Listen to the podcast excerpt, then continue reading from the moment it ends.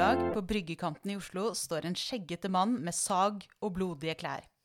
Rundt ham står det en forsamling, og helt bakerst så har til og med kronprinsparet fått seg en plass. Ingen legger merke til dem, for alle har blikket rettet mot mannen med sagen, Petter Bøckmann fra Naturhistorisk museum, dagens gjest. Og den aktuelle hendelsen det er en beskrivelse fra et par år tilbake, da Petter Bøckmann og Pia V. Dalen hadde en live-disseksjon av en død sel på arrangementet Passion for Ocean. Velkommen i studio, Petter Bøckmann. Takk, takk. Husker du denne hendelsen? Ja, kjære, det var litt vanskelig å glemme. Um, jeg, vet, jeg, vil, jeg, vil, bestride beskrivelsen. Det var ikke meg folk kikka på. Det var vel strengt talt Pia som sto på bordet med blod rennende nedover. Hun hadde valgt hvit labfrakk, og det var ganske mye blod i den selv. Uh, ja. det, sånn så det Pia ut også. Det var veldig morsomt. jeg, husker, jeg, husker, jeg var til stede selv, så jeg husker denne hendelsen. Uh, og det jeg tror alle som var der, vil beskrive det som noe ganske uforglemmelig. ja, det var, for, var, det for oss også, tror jeg. Ehm, jeg har møtt Pia et par ganger senere. Vi har drukket litt øl og greier. Og da, da, kommer den saken gjerne opp som sånn, et høydepunkt i verden. Ja. ja. Hva var det som gjorde at dere eh, fant på å gjøre akkurat dette? Altså, det er jo ikke noe som man eh, ser i, til vanlig sånn eh, live disseksjon av en død sel på et familiearrangement. Ja, nå skal jeg koste på meg litt selvskryt for en gangs skyld. For det, det, som skjedde, var at eh, Pia ringte meg på jobben. Og sa 'Hei, du kjenner ikke meg?' Nei, det er helt sant, jeg aner ikke hvem du er. Ja, det burde jeg selvfølgelig gjort, men, men jeg gjorde ikke det. Uh, og sa han 'Jo, uh, jeg har møtt deg, jeg var, uh, var med skoleklassen, og så syns jeg du var så morsom for at jeg skal bli en sånn som deg.' Og jeg vet bare sånn 'Å, du verden, jeg har gjort noe for en oppvokst slekt.' blir du med å dissekere et dyr? Ja. Det var, det var ca. så vanskelig jeg var da. Og for da hadde hun Dette var i forbindelse med si, starten på plastgreia. Uh, og så hadde de funnet en daud sel. Mm. Og så var spørsmålet har denne dødd av plast. Og det å drive en sånn offentlig disseksjon, det passet nok Pia veldig glad. Hun er også ganske si kjeften. Og så er hun ganske frisk i, i framtoningen og, og, har et voldsomt engasjement for sjø og sjøliv og alt mulig rart. Og jeg syns sånt er kjempekult. Offentlig disseksjon, det var sånn drevet på 1800-tallet. Det, det pirrer jo meg i uh. Så jo, det gjorde vi. Ingen tvil. Og fant dere ut hva den døde av? Ja, det var jo selvfølgelig rein flaks. Men vi, den, var, den var litt tung å få hull på, for det selen er ganske svær. Og så den ligger i dypfryseren oppe på Blindern, og der er det minus 20 grader. Så det, det, tok eh, litt lengre tid å tine enn det man kanskje hadde sett for seg. Så da denne selen da endelig lå der, så var det jo Vi fikk liksom hørt på de ytterste 10 centimeterne, og så var det ganske trå gang deretter. Derav saga til Pia. Mm.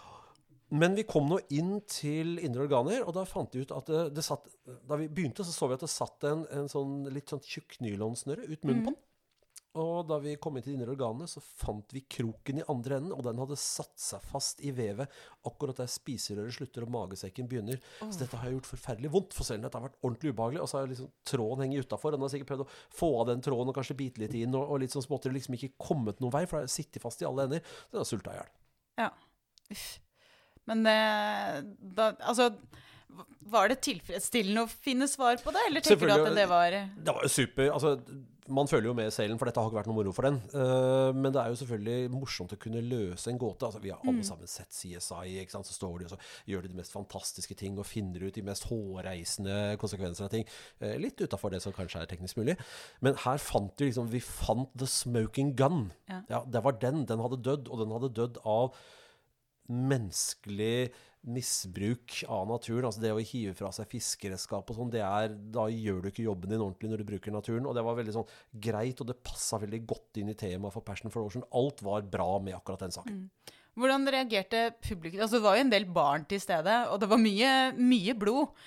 Ja, Hvordan, og også til en viss grad lite grann. Det, begynte, det var jo sol så det begynte å lukte litt av den her etter hvert også. Den hadde vel kanskje vært litt død en stund før ja. de fant den også. Det var veldig sånn frisk og fin lukt. Uh, Tranelukt. Veldig mye av dette var jo ekte, uh, kan man si. Uh, hvordan reagerte publikum på dette? Jeg, jeg, hadde um, dratt med speiderleder blant alle de andre gærne tingene jeg gjør. Så hadde jeg dratt med speiderbarn, for jeg vet at dette er en riktig del av førstehjelpsopplæringen. Du bør vite hvordan man ser ut inni, hvordan virker systemene. Som er en viktig ting å vite. Og et par av dem har jo fortalt meg litt om dette i ettertid, at dette var en um, skjellsettende, interessant opplevelse.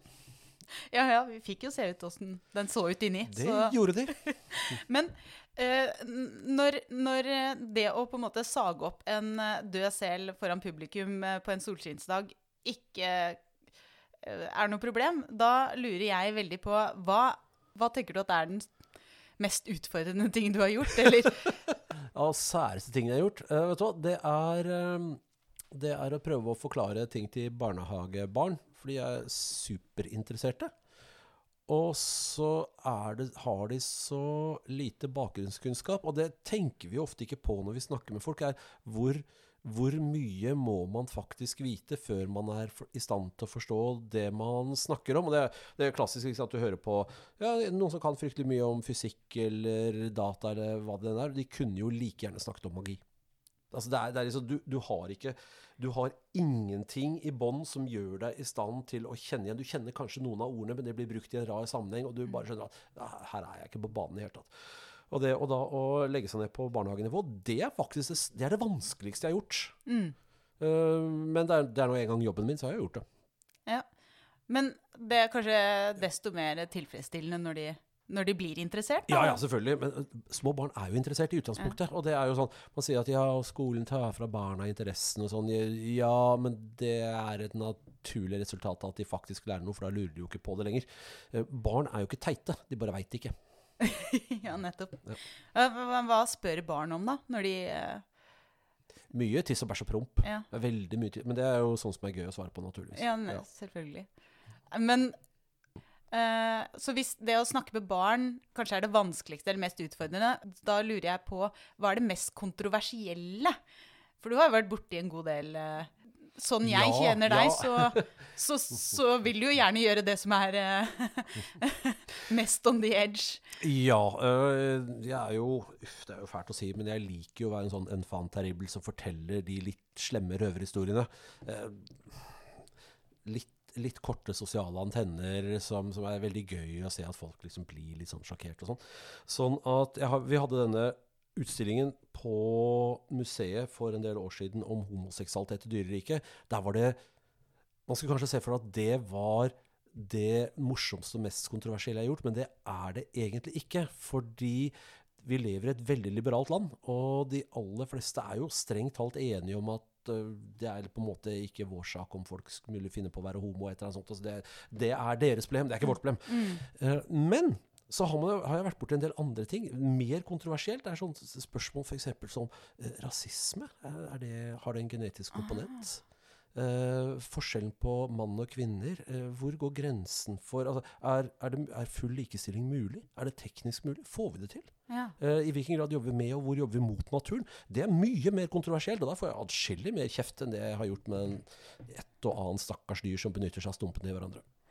Men kom du inn på disse temaene når du lagde den eh, utstillingen om homoseksualitet blant, blant dyr, eller? Ja vi var, eh, vi var innom den. Vi fant at vi skulle prøve å rendyrke konseptet litt. For det, du har, det, det er masse aspekter ved formering hos dyr. Du kan si at eh, hvis du ser på dyr, så er det jo noen ting dyr gjør er, litt sånn kjedelige. Sove f.eks. er ikke sånn Jo, fortsett, det kan være litt spennende om du tenker på. Eh, men altså, det er. Det er, mange, mange deler av dyrs liv som er litt sånn transportetapper, for å si det sånn. Eh, og, men det som alltid er morsomt, og det som alltid forskerne kikker på, det er når dyr faktisk foretar seg noe med litt grad av iver, og det er jo da typisk når det gjelder kjønn. Mesteparten av det vi vet om småfuglers liv, handler om f.eks. redebygging. Og, og det å få unger, f.eks. Mm. Og, så vi, vi tenkte når vi skulle lage denne utstillingen, at nå skal, vi, nå skal vi holde oss til driftene. Hva er det, hvilke partnere er det man ønsker seg, og hvorfor gjør man det? Ikke alle de festlige måtene man kan organisere kjønn på. For det er jo ikke nødvendigvis sånn at man er hanner og hunder. Det går an å være tvekjønnede, sånn som kanindyr. Men altså, det er jo en, en haug med organismer som er det regulært. Det er dyr som bytter kjønn midt i livet. Det finnes dyr som bytter fra hanner til hunder. Det finnes dyr som bytter fra hunder til hanner. Det finnes dyr som bytter lutt etter vær- og føreforhold. Det finnes dyr som er begge deler hele tiden, og som for så vidt kan pare seg med seg selv i et nødstilfelle, men foretrekker å pandre seg med andre. Det finnes dyr som har mer enn to kjønn. Det finnes flere måter å være det ene kjønnet på, etc. etc. Det er kjempelerret å bleke. Hvis vi begynner på den galeien, så blir det ikke et, et rent budskap. Vi ønsket å ha et klart, tydelig budskap, og, og budskapet vårt var at eh, vi skal ikke påberope oss naturen som en slags sånn, sånn etisk eh, forsvar for et konservativt han-hun-syn i eh, debatt om homoseksualitet. Og Dette, det, grunnen til at denne utstillingen fikk så mye oppmerksomhet, var at dette skjedde akkurat mens det var snakk om skulle man gitt eh, eh, samkjønnede par rett til å adoptere. Så det var, liksom, det var, det var Ja. i vinden. Akkurat dette var i debatten. Og så kom vi da med utstillingen, og det var jo voldsom eh, interesse fra inn- og utland. Hva, når du holdt på med å sette opp denne utstillingen, hva, hva overrasket deg mest? Eller kom du over noe som du tenkte at wow, det her, dette, dette sjokkerer meg, eller dette er overraskende? Jeg, jeg blir jo ikke så fryktelig overrasket. det er noe hvis du, hvis du kan evolusjon godt nok, så ser du gjerne i hvilken vei pila peker. Det er, liksom, det er noe med at det skal fungere, hvis ikke så hadde det faktisk ikke vært der. Eh, men uh, før vi begynte med utstillingen i hele tatt, så, så hadde jeg liksom ikke noe sånn veldig tydelig forhold til det med uh, homo- og heteroseksualitet. Det var liksom ikke noe, noe som figurerte i mitt liv. Jeg hadde ikke noen eh, nære slekt eller bekjente som var veldig homoseksuelle, liksom. Det var, eh, kjente jo selvfølgelig noen, men ikke liksom i en sånn helt nære krets. Og så kom sjefen og sa at nå skal vi ha en utstilling om det. Og jeg sa jaha, er det noe å lage utstilling? Og så fikk jeg utlevert en svær bok. Det var da um, Biological Exuberance av uh, Joan Roughgarden, uh, som startet livet som John Roughgarden. Veldig interessant sak. Og, nei, unnskyld. uh, Bruce Bagemill. Roughgarden var den andre. Bruce Bagemill har da, da gått gjennom alt som var av forskning, og samla inn alt som handlet om homoseksualitet i dyreriket. Veldig grundig bok. Anbefales alle som hører på dette her og ikke har noe bedre for det. Bestill den, og så setter dere ned og les den. Og, og det var eh, da, da gikk det opp for meg hvor mye viktigere sex er for oss enn det vi i utgangspunktet kanskje tror. For det er klart, sex er ikke noe vi gjør hele tiden. Sex er, opptar en, en bitte liten promille av det vi foretar oss i løpet av et liv. Og likevel så styrer det hele livet vårt. Og det gikk opp for meg da vi jobbet med utstillingen. Hvor viktig det var. Ja, ok, jeg visste det var viktig, kanskje ikke at det var så viktig. Men, men eh, Så hvis vi tenker på dyr, så skulle man jo tro at det der å, å pare eh, Eller gjennomføre paring som ikke fører til barn, at det var veldig sånn unødvendig og overflødig. Eh, og at det høres jo litt sånn fra evolusjonsperspektivet, da, at det, der, at det ikke skulle være så veldig vanlig med homoseksualitet blant dyr. Ja? Og det var, det var litt sånn jeg så for meg verden også før, eh, før jeg satte meg ned og leste boka. Men det som gikk opp for meg da jeg leste den boka, eh, og som jeg på en måte har flytt på siden, flytt på flesket, så å si, eh, det er at seksualitet er Sex som aktivitet er livsfarlig for dyr. For du er opptatt med noe som du faktisk er nødt til å gjennomføre. Det koster veldig mye. La oss si en huggormhann, hvor jeg har litt data fra. Den, han mister noe sånt som mellom en fjerdedel og en tredel av kroppsvekta i løpet av paringssesongen. Det går ganske hardt for seg. Og alle kvinner som har fått noen unger hos oss, vet at det er ikke det er ikke bare å ploppe ut en unge. Det er litt mer, det er en del hikkemikk med i bildet. Og, og selv om vi, vi eh, pattedyrgutta slipper relativt billig unna, så er det, det er ikke farefritt for oss heller. Eh, sånn at insentivene til faktisk å drive sex må være ekstremt sterke for at vi skal være villige til å gjøre det offeret. Og når de insentivene først er der, i form av frislipp av hormoner og endorfiner og alt mulig rart i kroppen, så kan det jo brukes til alt mulig annet rart òg. Trenger ikke bare brukes i sex. Jeg mener, systemet er der. Belønningssystemet er der. Og det er jo det vi ser. Vi ser at vi bruker sex til alt mulig annet rart enn å få unger. Vi får unger litt sånn dann og vann, nærmest som en bieffekt av at vi bruker sex til alt mulig annet rart. Og det er jo sånn at dyr parer seg jo ikke for å få barn. Det er ikke sånn at når k- hannkatten står og remjer på trappa, så gjør han det fordi han vil ha kattunger. Eh, Bieffekten er at han får kattunger. Ja. Men grunnen til at han står og remmer, er at han vil ha sex. For sex er digg. Og sex er kjempedigg. Og han er villig til å krype gjennom ild og vann for å få seg den der hannkatten på trappa. Og hukatta er ikke så veldig mye bedre. Og andre patter altså, jeg, Åh, gud, er litt sære historier. Jeg, var, eh, jeg og en kompis vi- da jeg var ung student, så bodde vi sammen. Og det var ikke noe dusj der vi bodde, så vi fikk jo vaska oss, da. Men det var jo vaskebalje. Sånn riktig gamle dager-type ting. Eh, ok, jeg er ikke så gammel at det var vanlig, men, men vi hadde noe sånn. Og resultatet var at um, vi, var, vi var unge og handla og det testosteron og greier. Det luktet nok en del av oss. Og så var vi på besøk hos en venninne, og der i det huset så var det to søstre og en mor, og ingen far, og ei hubikkje som hadde løpetid.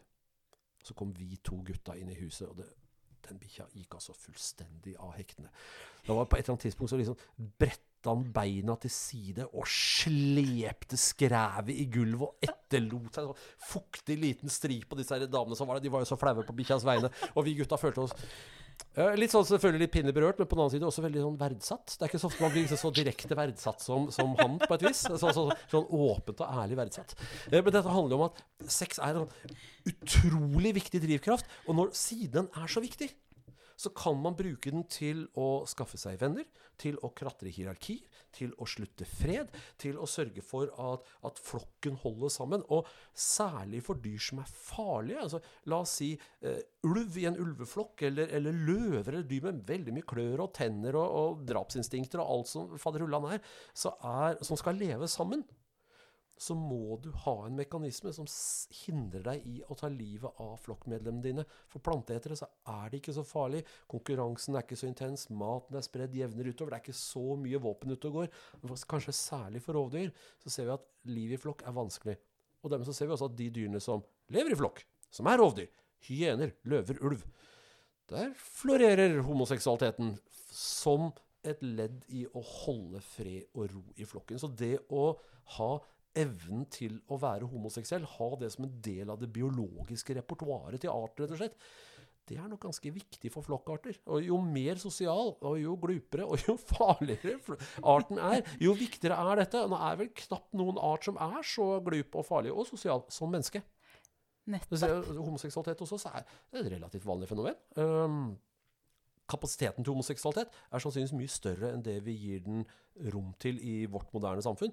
Hvis du ser på eh, sånne såkalt single sex environments, som det så pent står om i boka, eh, klassisk sånn husmorskoler og fengsler og en del sånne ting, hvor liksom er masse damer eller masse menn, og ingen andre, så ser du at der florerer det veldig mye rart. De anser seg ikke som homo, Eh, særlig liksom sånne mennemenn i, i fengsler i USA og sånn, som, som driver og ja, Du skal være litt forsiktig med å miste såpen i dusjen, som vi alle sammen vet. Vi har sett eh, disse TV-seriene. Så kommer de ut, og så er de, så er de helt hetero. Men så kan, kan man spørre seg hvorfor, hvorfor der, hvorfor i fengsel? Hvorfor er, folk så, hvorfor er det så mye seksualitet der? Og det er klart at folk som havner i fengsel, de havner jo ikke i fengsel fordi de er snille, blide, medgjørlige og lette å leve sammen med. Det er ikke derfor du havner i fengsel. Sånn at nettopp der er kanskje behovet nettopp for en form for sosialt lim, så, eller sosialt glidemiddel, får jeg si, siden vi nå først er i denne, denne Ja. kjeften, som hindrer bråk og vold internt. Der er det kanskje større enn i det daglige samfunnet. Det er kanskje nettopp derfor vi finner mer homosex i de sammenhengene. Men når vi er inne, nå er vi veldig dypt inne i, dette med sex. Nå havna vi der. Ja, Men- det er så rart. Det er, det er sånn Jeg, jeg snakka med Jeg har nettopp vært på, på radioen og snakka med Torkil Jemtrud. Og så, så var det han spurte om et eller annet en gang, og så sa jeg er, er det det Vil du spørre meg om dette, Torkil? For du veit jo hva du får. Det blir bare sexpreik uansett. Ja, vi har på en måte toucha så vidt innom bæsj, og du har sagt at det er det, bæsj og tiss og promp, det er det barn spør om. Ja, det er ikke så spennende med sex Nei, ikke sant? sant? Heldigvis, kanskje. Eh, og, så, og, så, og så har vi nå Ik ikke hvis du er dvergsjimpanse. Nei. Nei, der er det ja, vet du, Vi kan ta dvergsjimpansen etterpå. Ja. Det er jo alltid Nei, men vi kan ta den med en gang. Ja, Nå ble jeg nysgjerrig. Dvergsjimpanse er um, kanskje den ja, Det er vel nesten si den eneste arten som er enda mer seksuell enn menneske. Mennesket er en veldig veldig seksuell opp, øh, opptatt art. Dvergsjimpanser er enda verre. Vanlige sjimpanser enn den jevne pantryglodyte, sånn Julius-sjimpanse. Ja. Hvis de har et sosialt problem i flokken, så er det den med mest muskler og hjørnetenner som på en måte vinner den prosessen. Og jobben til sjefshannen i en sjimpanseflokk er strengt talt å være han med så mye muskler og tenner at de andre holder fred. Hos dvergsjimpansen er det damene som bestemmer. Og der er det ikke like mye hjørnetenner, og de er ikke så store og muskuløse heller. Og når de ryker opp i sosiale problemer, for mens sosiale problemer er uavhengig av hvilken art du er, så gjør de det ved å ha sex med hverandre. Hunder med hunder, og hanner med hanner, og hanner med hunder, og de søte små er med og stikker inn en hjelpende hånd litt her og der for å bidra til, til hva skal jeg si, flokklivets letthet og glede. Eh, Dette er jo dyr med eh, penisknokkel, i motsetning til oss, så de kan bare stramme en muskel, og så kan de bidra sånn, la oss si fra toårsalderen av. Ja. Ja. Sånn, slik gjør de det der. Hvis dvergsjimpanse var svaret, da lurer jeg på hva var spørsmålet? Make love, not war. Ja, ikke sant? Ja, det er, og det er, det er virkelig det er den fredelige varianten av sjimpanser. Hvis du hvis du møter på en flokk med sjimpanser Du er på tur i Afrika, og du er litt illeforen, og du møter på en flokk med sjimpanser, så tror jeg det er greiest å være på sørsiden av Kongoelva, for da møter du dvergsjimpanser. Det kan være en eh, rystende opplevelse, men du er levende etterpå. Det er du ikke nødvendigvis med vanlig sjimpanse. Nei. Nei. Nei. Eh, de er eh, vel kanskje bitte lite grann mindre enn oss, men vesentlig sterkere, ser jeg for meg. Ja, øh, uten de helt store moralske skruplene. Det er jo moralske skrupler. Det er en sånn menneskeproblemstilling. Det er jo, ikke sant, Hender folk sier at mennesker er så fæl art, og vi kriger, og vi utrydder hverandre mm. blablabla». Det er jo ikke sant. Mennesker er den snille arten. Vi er snille. Vi er kjempesnille. Jeg tok øh, ja, Ikke i dag, for i dag tok jeg en drosje, måtte jeg ta en drosje, men i går så tok jeg T-banen til jobben. Satt på en T-banevogn med la oss si 50 andre folk som også skulle til jobben. Trøtte tryner. Ingen som prøvde å banke meg opp. Ingen som prøvde å rappe matpakka mi. Ingen som laga bråk og hyl og skrik og skulle markere standpunkt ved å tilfeldigvis tråkke stykker meg eller noe sånt. Nå. Og det var jo ikke bare i går, det var i forgårs, og det var forrige uke, og det var i bunn hele mitt yrkesaktive liv. har jeg gjort det der. Ja. Men hvis du hadde vært sjimpanse, da kunne du ha regna med at noen hadde prøvd på en av de tingene se der. for deg å sitte i et bur med 50 sjimpanser. Vanlig, vanligvis så går man man går inn i et sjimpansedyr. Det er bare noen få som gjør det, og da sørger man for enten å jage ut sjimpansene, eller at det kanskje bare er én sjimpanse der. Nettopp. Og så er det gjerne en som sitter med bedøvelsespistolen i bakgrunnen. Ja. Ja. Men øh, så, så, så de, vi, er, vi er den snille arten. Vi er faktisk den snille arten, og sjimpanser går jo selvfølgelig også til krig. Og det, Av og til så stikker hannen av gårde, og, det, og du ser når de gjør det, for da går de i motsetning til vanlige sjimpanser hoier og skriker, og de det er jo dyr som lager ganske mye lyd. Av og til så ser du at det går liksom en sånn kolonne med hannsjimpanser som er stille. Målretta og stille, og det er dritskummelt, for å si det rett ut. Da sniker de seg over til naboterritoriet, og så patruljerer de litt rundt. og Hvis de finner en enslig hann som er litt borte fra flokken, og sjimpanser er ikke sånn at de sitter oppå hverandre hele tiden, de går litt hver for seg, de skal finne frukter her, så prøver de å ta livet av han, banker han opp. Og selv om de ikke får livet av han, for sjimpanser er ikke så effektive, så prøver de i hvert fall å bite han bjellene. Ja, ikke Ja. sant. Det er jo effektivt. Hunnsjimpanser lar de være. Hannsjimpanser prøver de å ta livet av. Så den derre skrekkfilmen eh, 'Planet of the Apes', det er jo egentlig det er liksom worst case scenario. eh. Det er litt sånn eh, hva, hva hadde skjedd Altså, hvorfor blir menneskekriger så fæle? Jo, det er fordi vi er så fryktelig mye flinkere enn sjimpanser. Sjimpanser har skarpe hjørnetenner. Vi har maskinpistol. Mm. Ja. Nettopp. Men når vi har på en måte sett på det verste av det verste, og så var du inne på det der med at eh, vi mennesker er en eh, I likhet med da dvergsjimpansen, da, en eh, fjern slektning, eh, veldig En opptatt ikke så veldig fjern slektning, egentlig. Men du har, sant, du har jo trekløver her, for du har den vanlige sjimpansen. Ja. Og så har du dvergsjimpansen, som på en måte liksom er sånn i, i hver sin retning. Og så ligger mennesket litt sånn midt imellom. Vi kan være veldig voldelige, sånn som vanlig sjimpanse, men vi er stort sett ikke det. Vi er, stort sett så er det ganske fredelig og rolig, en menneskeflokk. Det er ikke så veldig mye vold internt i flokken. Sånn at sannsynligvis representerer den seksualiteten og flokklivet vi ser hos mennesket, nok ikke så ulikt slik det var hos både mennesker og sjimpansers forfedre. Det er kanskje vi som har den primitive formen for sosialitet og seksualitet. Ja, og du sier primitivt, men, eh, men det er jo da tydeligvis nok til at vi, vi holder oss samla som flokk, da. Det er nok til å holde seg samla som folk. Ja. Men du har jo eh, en gang i tiden holdt et foredrag som heter eh, så mye som 'Menneskets kjedelige sexliv'. Det foregår gjerne eh, på studentkjellere på Blindern, og med øl. Også Ja. til foredragsholder. ja, ikke sant? ja, kan man se for seg at dette her, eh, det foredraget er et slags sånn vorspiel til resten av festen, eller? Ja, det var, det var i hvert fall tenkt sånn. Uh, nå har jeg blitt litt gammel og litt sær og tverrer og sånn, så nå er det litt mer sånn, ja, men sånn akademisk. Ja, så har vi denne erten her, og den har en veldig stor snopp. Altså, ja. uh, men, men det er ment å da skulle være litt uh, løselig i snippen.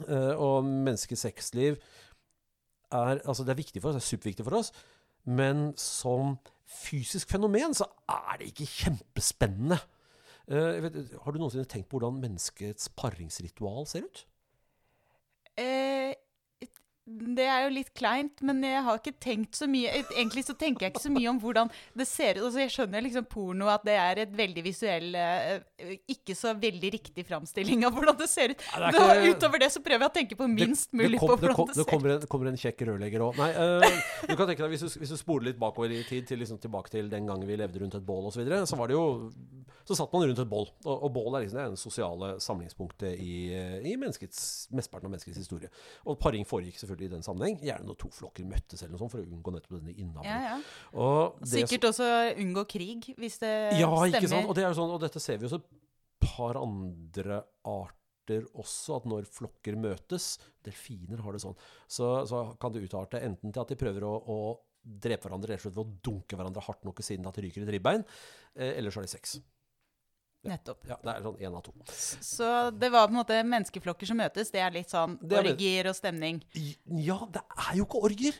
Vi er jo ikke en orgieart. Det er ikke sånn at alle ligger åpent foran bålet og parer seg. For det første så foretrekker alle, nesten alle i hvert fall, mennesker å gjøre dette hjemme i det skjulte, bak en busk, eh, under en skinnfelle. Altså vi trekker oss tilbake fra flokken når vi skal gjøre de greiene der. Vi gjør det ikke åpent. Det gjør sjimpanser, det gjør løver, det gjør alle de andre. Så det er en sånn særegenhet ved vår biologi.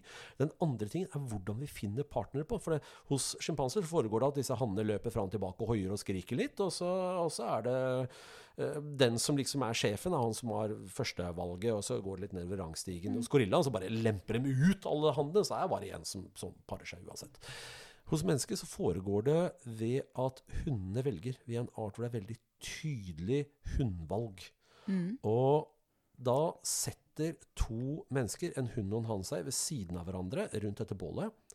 Og så sitter de der og utveksler noe, noe informasjon. Det, hvis du hører på dem, la oss si at du på en måte ikke var et menneske og så på, så var det sånn der, ja, de, de puster med litt lyder på hverandre. Liksom. Og så uh, gjør de det kanskje en halvtimes tid, eller noe, og så skjer en av to ting. Enten så, så flytter hun seg og går til et annet sted, ser etter en annen hann, eller så går de bak en busk og parer seg. Det er paringsritual til mennesker. Det er dritkjedelig! Se for deg at du har, du har en påfugl som løper ut på en sånn liten sånn eh, solrik åpning. og Sånn, svær hale, og det brus, og det er ikke grenser. Og, og dyr som står og hoier og skoier i skogen og lager voldsom lyd, og elgen som braker sammen og, og pisser på trestammer. Og så ingenting av det. Nei da. Og så en av to utfall. Ja, men du kan jo si at det er noen som drar den litt lenger, da, og viser seg fram litt sånn musikk, eksempel. Altså sånn Uh, Ja, men det Å, du skjønner, det er snedig. Det er indirekte paring. Eh, eller indirekte eh, kurtise. Hvis du, for, hvis du La oss si at du er rockesanger. Ikke sant? Ja. La oss si at du er han eh, Taylor i Aerosmith. For eksempel. det er Jeg ser for meg. Ja, du, du, Han, han har fått seg. Det ser jeg han, for han, meg. ikke sant? Du ser, og du, du ser Kanskje ikke nå, men i hvert fall en gang i tiden. Ja, ikke sant? Da, da jeg var ung. Mm. Ja. uh, og hva er det du gjør da? Jo, du står, og så viser du status. Og, og sang og kunst og kultur og alt det tullet der sånn, det er et slags sånn statusturn-apparat. Eh, Men det veldig- er jo for å få seg, er det det Det er selvfølgelig for å få seg. Det er jo det som ligger i enden. Det er for å få seg. Og du ser, hvis uh, det å drive med kunst hadde vært et kulturelt fenomen, så hadde det gjort det i noen kulturer, og ikke i andre. Det gjør det ikke alle kulturer driver med. Alle lager kunst av en eller annen sort. Det betyr at kunst, viljen, evnen til å lage kunst, det er en del av biologien vår. Det er ikke en del av kulturen vår. Mm. Vi er en kunstnerisk art, og funksjonen til kunst er å få seg. Det viser seg Se så flink jeg er.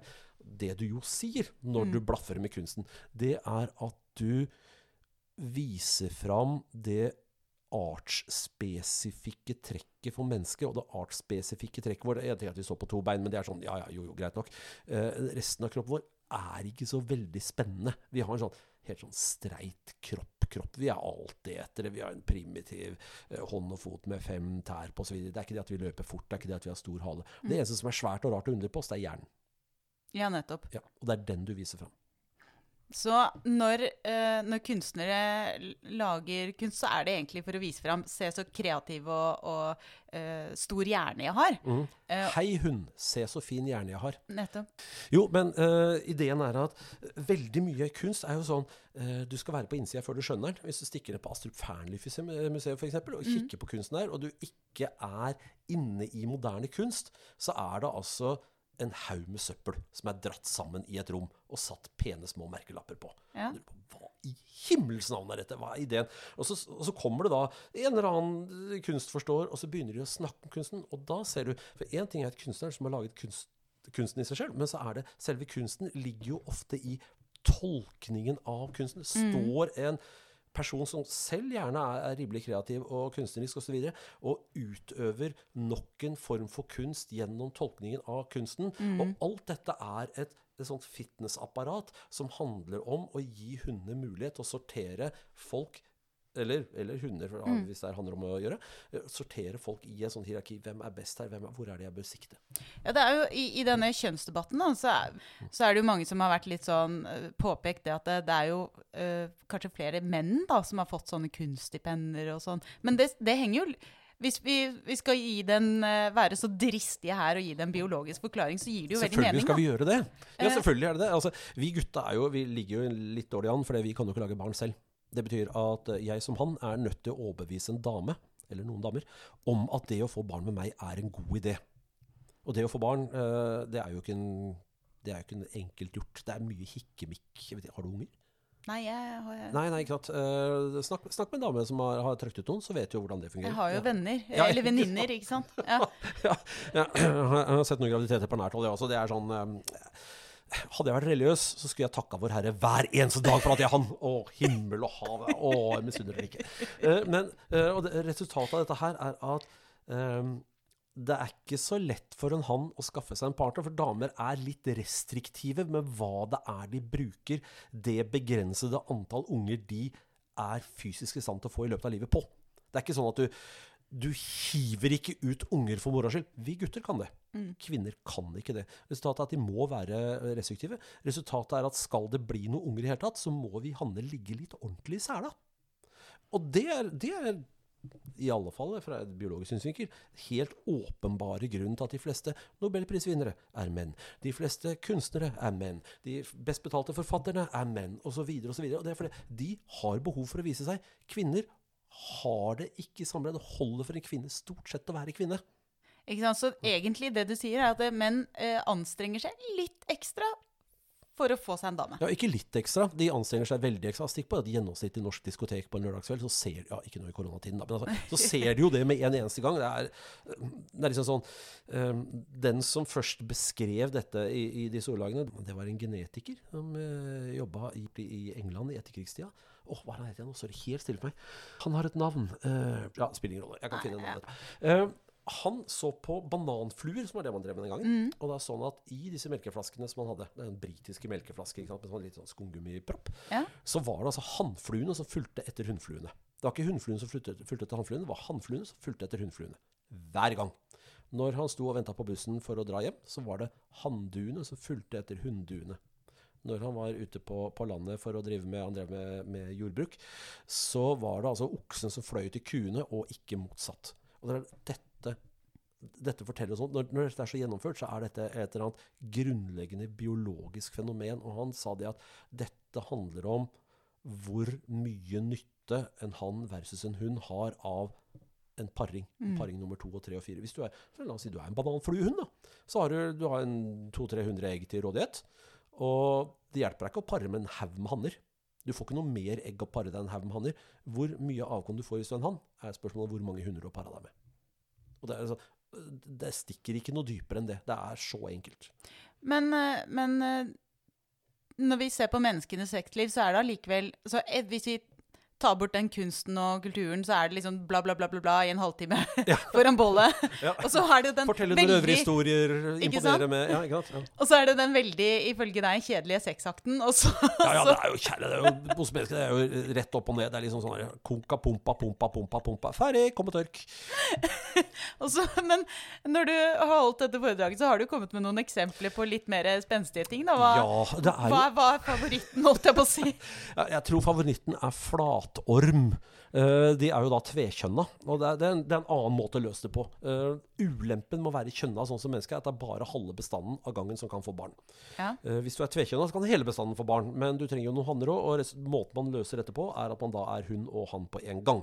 Og, men det betyr at når to stykker møtes, så vil én eh, ha en tissefant, og så vil den andre ha en um, tilsvarende dings til, til hunden. Vulva vil du kalt oss mennesker, det gjør Ja. vi på en måte ikke hos disse dyra her. Eh, men det fungerer sånn at du får liksom bare vært én ting av gangen. Du får ikke vært hun og han samtidig. Du må være én av dem. Men må de liksom bli må, Når de møtes, da, Ja. og har denne halvtimen foran bålet sitt, eh, Ja. sånn rent metaforisk si, blir de da, sitter de og blir enige om hvem, hva, Nei, hvem er er hva? det er jo det de ikke gjør. Fordi det er det å lage egg er jo nødvendigvis mye mer tungvint enn det å bare lage spermie. Spermie er jo- det billigvare.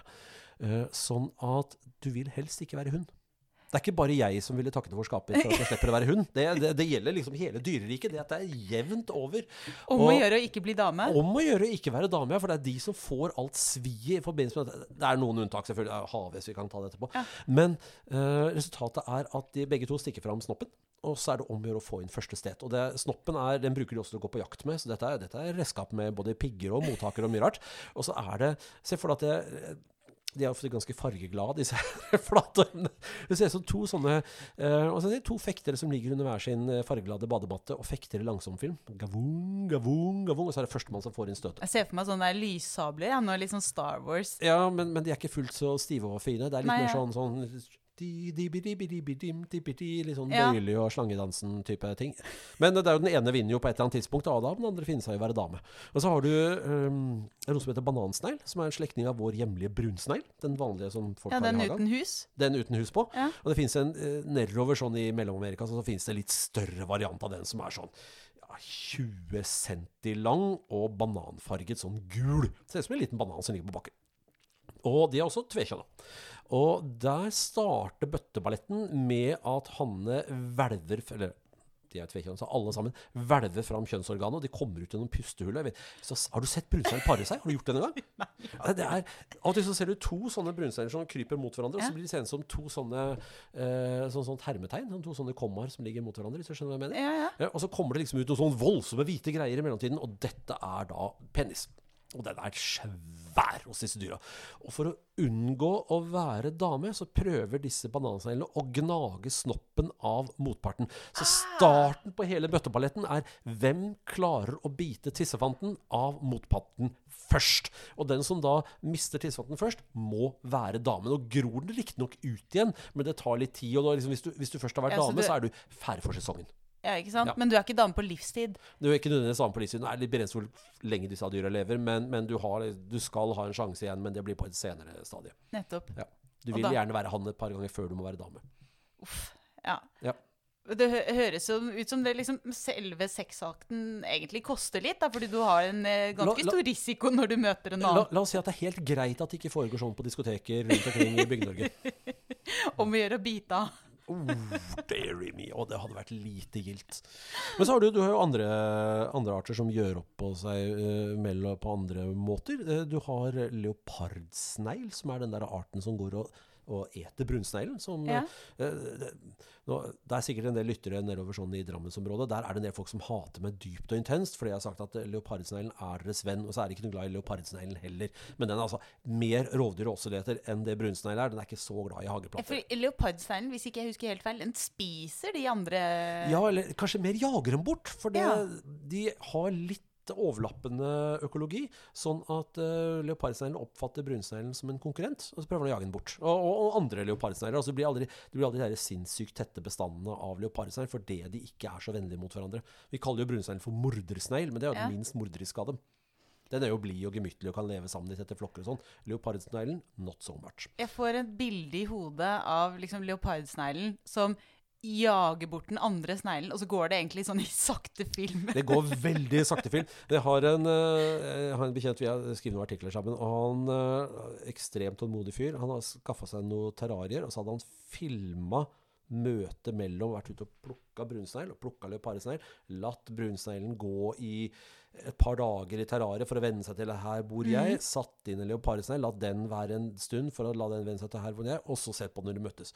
Og når du ser dem unnifra, så ser du kjeveapparatet på den der brunsneglen gå. Det ser litt ut som haisommer. Det er altså ganske voldsomme greier. Og du ser brunsneglen løper så fort han kan. Det er bare det at øh, den er ikke så veldig kjapp. Uh, Leopardsneglen er mye Du ser den er slankere og smalere, og med større pustehull. Den er mye raskere. Den er jo mer et rovdyr, ikke sant. Ja. Så ja, det går Og, jo men det er de samme pustehullene som dine penistinger ja, ja, man bruker ett et hull til alt. Fri flyt. Um, og, og det ser eh, det ser ganske dramatisk ut når du kjører det i fortfilm. Da ser du hva som foregår. I Ja. langsom film så ser det jo veldig bedagelig ut. Nettopp. Ja. Og hvis man da kjører litt sånn skrekkfilmmusikk sånn dun, dun, dun, dun, Dun, dun, dun. dun. Ja. Ja. Ja, da kan det jo fort bli litt spennende, det òg. Men mye er jo gjort med musikk. Veldig mye. Men det, igjen, det har litt med menneskebiologien å gjøre. Ja. Eh, vi vet at de dyrene som er i stand til å etterligne menneskelig tale, det gjelder papegøyer og beostær og et par andre, de er også i stand til å danse i takt med musikk.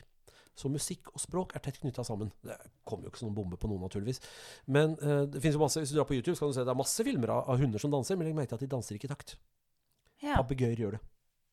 Det finnes en forskningsartikkel om dette her som har brukt YouTube som, som uh, labmateriale. Åh, den må jeg finne. Ja, det er, det er sånn derre Wow, hva man finner ut her i verden. Ja, for det, det er jo noen ganger Altså, Mange ganger i løpet av den podkastinnspillingen så har jeg lest forskning og så tenkt sånn at jeg blir ordentlig overrasket over alle de tingene som går an å finne ut av. Ja, ja, ja, ja. Og, og forskere er ofte veldig nysgjerrige folk. Og, og på det meste. Jeg husker jeg leste en bok en gang om en forsker, og, og da var det en, en fyr som han siterte, som hadde vært på en øy. Han skulle forske på en sjøfugl eller noe sånt. Og så hadde han ikke noe annet å gjøre, for det, var noe med, det er jo mye dødtid, det er jo mye tid hvor dyra som sagt gjør andre og ikke så spennende ting. Og da hadde han funnet ut at eh, han skulle begynne å veie skjegget sitt når han barberte seg hver morgen. så han finner forsker på. Og da fant han ut, fordi han var aleine på øya, så sank skjeggproduksjonen. Det var fordi det var jo ikke noen hunder her, så det var ikke noe poeng å kjøre høyt testosteronnivå. Nettopp. Ja. Ja, og det, sånt kan man finne ut hvis man er litt nysgjerrig og lurer på det. ikke sant? Hvis man, noen må stille seg spørsmål Ja. i utgangspunktet. Ja. Jeg har jo ofte tenkt på deg som en sånn allviter og litt sånn riksbiolog. Og eh, jeg har jo jobbet som kommunikasjonsrådgiver på Blindern, og da har jeg også sendt eh, journalister i din retning. Det, det Eh, er noen som, hender at folk ringer ned hos meg. Ikke sant? Ja. Hva er det rareste spørsmålet du har fått? Oi! Oi, oi, oi. Ja, det er et godt spørsmål. Nei, jeg får jo ikke De er jo på en måte I min verden så er ikke spørsmålene så rare, for det de, de handler jo om dyr eller paralleller til dyr eller et eller annet sånt. Når jeg har fått spørsmål om øh, Kanskje sånn, sånn litt morsomt, så er Har dyr fritid? Hva gjør dyr på fritida? Har dyr fritid? Er, er, det å, er det å ta en ferie er det et menneskefenomen, eller er det noe som finner vi paralleller i dyreriket? Det, det gjør vi jo egentlig ikke, fordi dyr kan ikke ta ferie fra livet sitt. Nei. Eh, det, Men jobb er vel kanskje også noe vi egentlig har konstruert? da, Litt sånn sosial konstruksjon? det er en sosial konstruksjon. Jobb er jo egentlig et spørsmål om å distribuere godene oss imellom. Mm. Det er jo det du gjør, det er bare en annen måte å organisere på. For det, I utgangspunktet så er mennesket et sånt uh, halvrovdyr. Vi har levd av å slå i hjel elefanter, og så har vi på en måte splitter dem opp. Og det er klart, den som har slått i hjel et dyr Hvis du ser på sånn, samfunn som lever sånn fortsatt, det fins jo noen fortsatt, noen buskmenn og sånne folk som, som gjør det på den måten. Så slår de i hjel et eller annet dyr, og så setter de seg ned, og så, og så deler de maten mellom seg.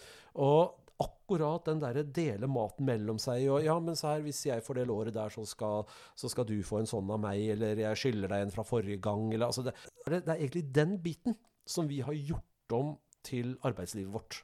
Og fordi det er så effektivt å dele på arbeidsoppgavene, hvor du kan spesialisere osv., så, videre, så jobber vi ja, La oss si at vi jobber åtte timer i døgnet, da.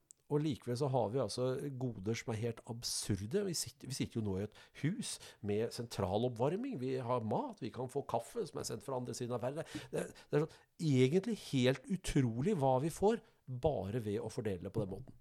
Mm. Så det er et menneskefenomen. Vi er den eneste arten som har et sosialt nok system, komplisert nok sosialt system, til at vi får til det der. Dermed så har vi også fri. Ja.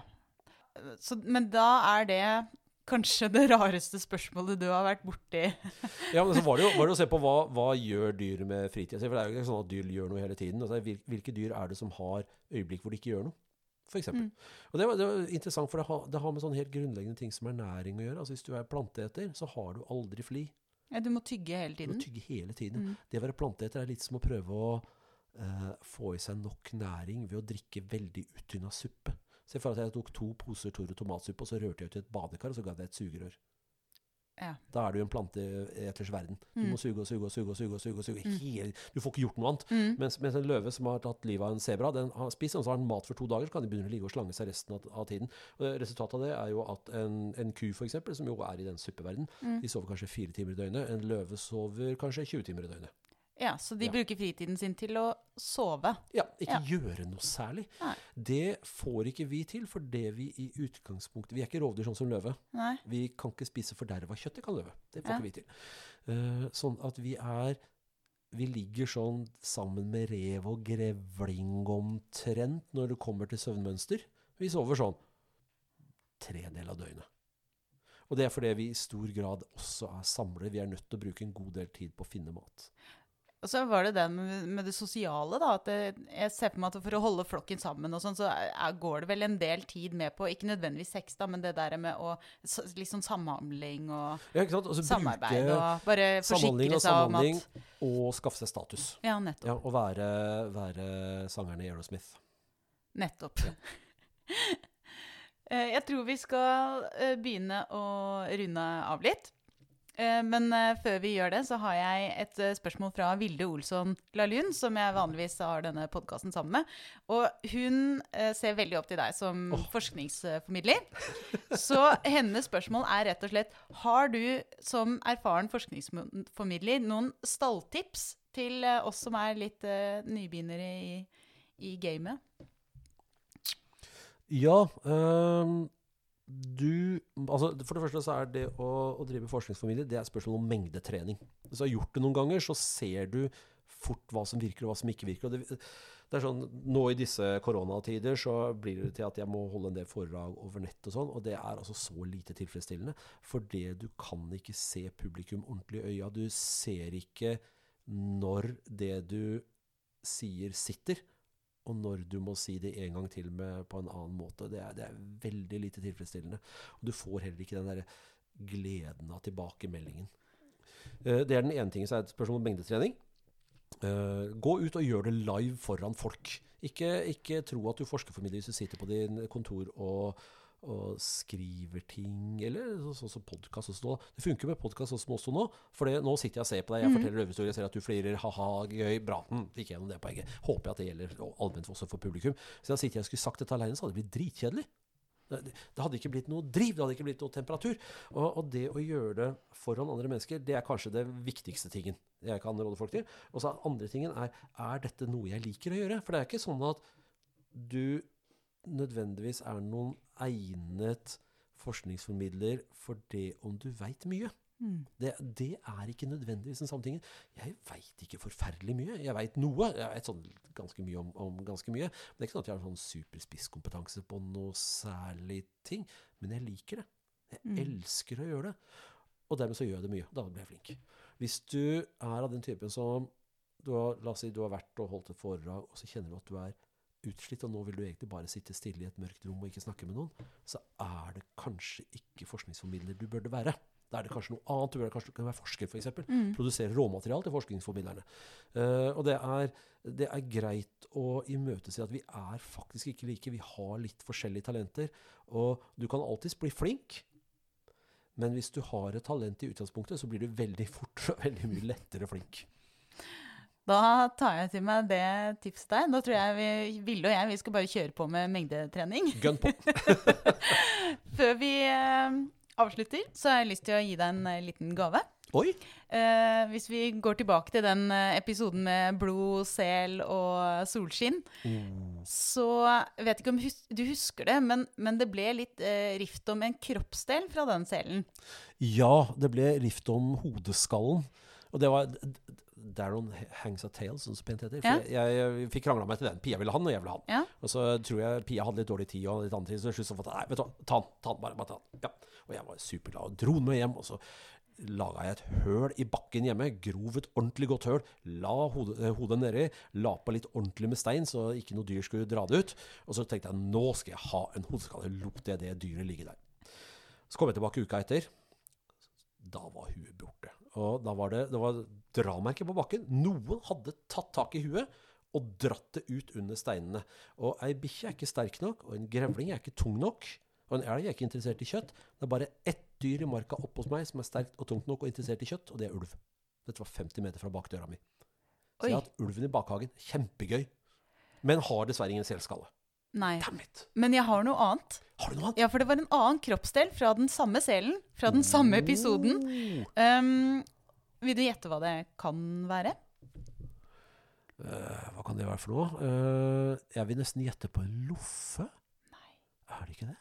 det er penisbeinet. Å nei, Jo. bakkelum. Så kult!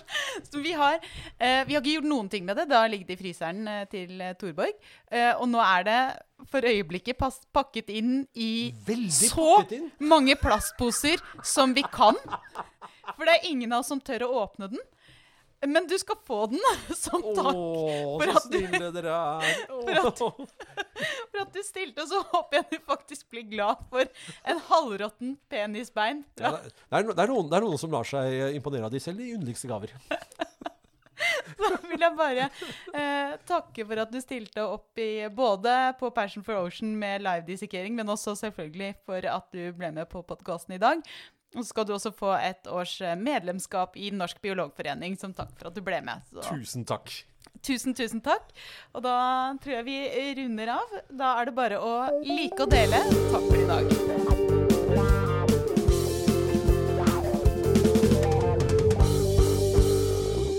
Du har nå hørt Biopodden med Vilde Olsson Lahlund og Elina Melteig. Og med på laget har vi også Torborg Galtland, daglig leder i Norsk biologforening. Musikken du hørte, er laget av biologibandet Overgump, som består av Even Sletteng Garvang, Markus Fjelle, Erik Møller, Mathias Kirkeby og Audun Rugstad. Fortell gjerne om podkasten til venner og kjente, og gi oss tips og tilbakemeldinger på e-posten biopodden alfakrøllbio.no.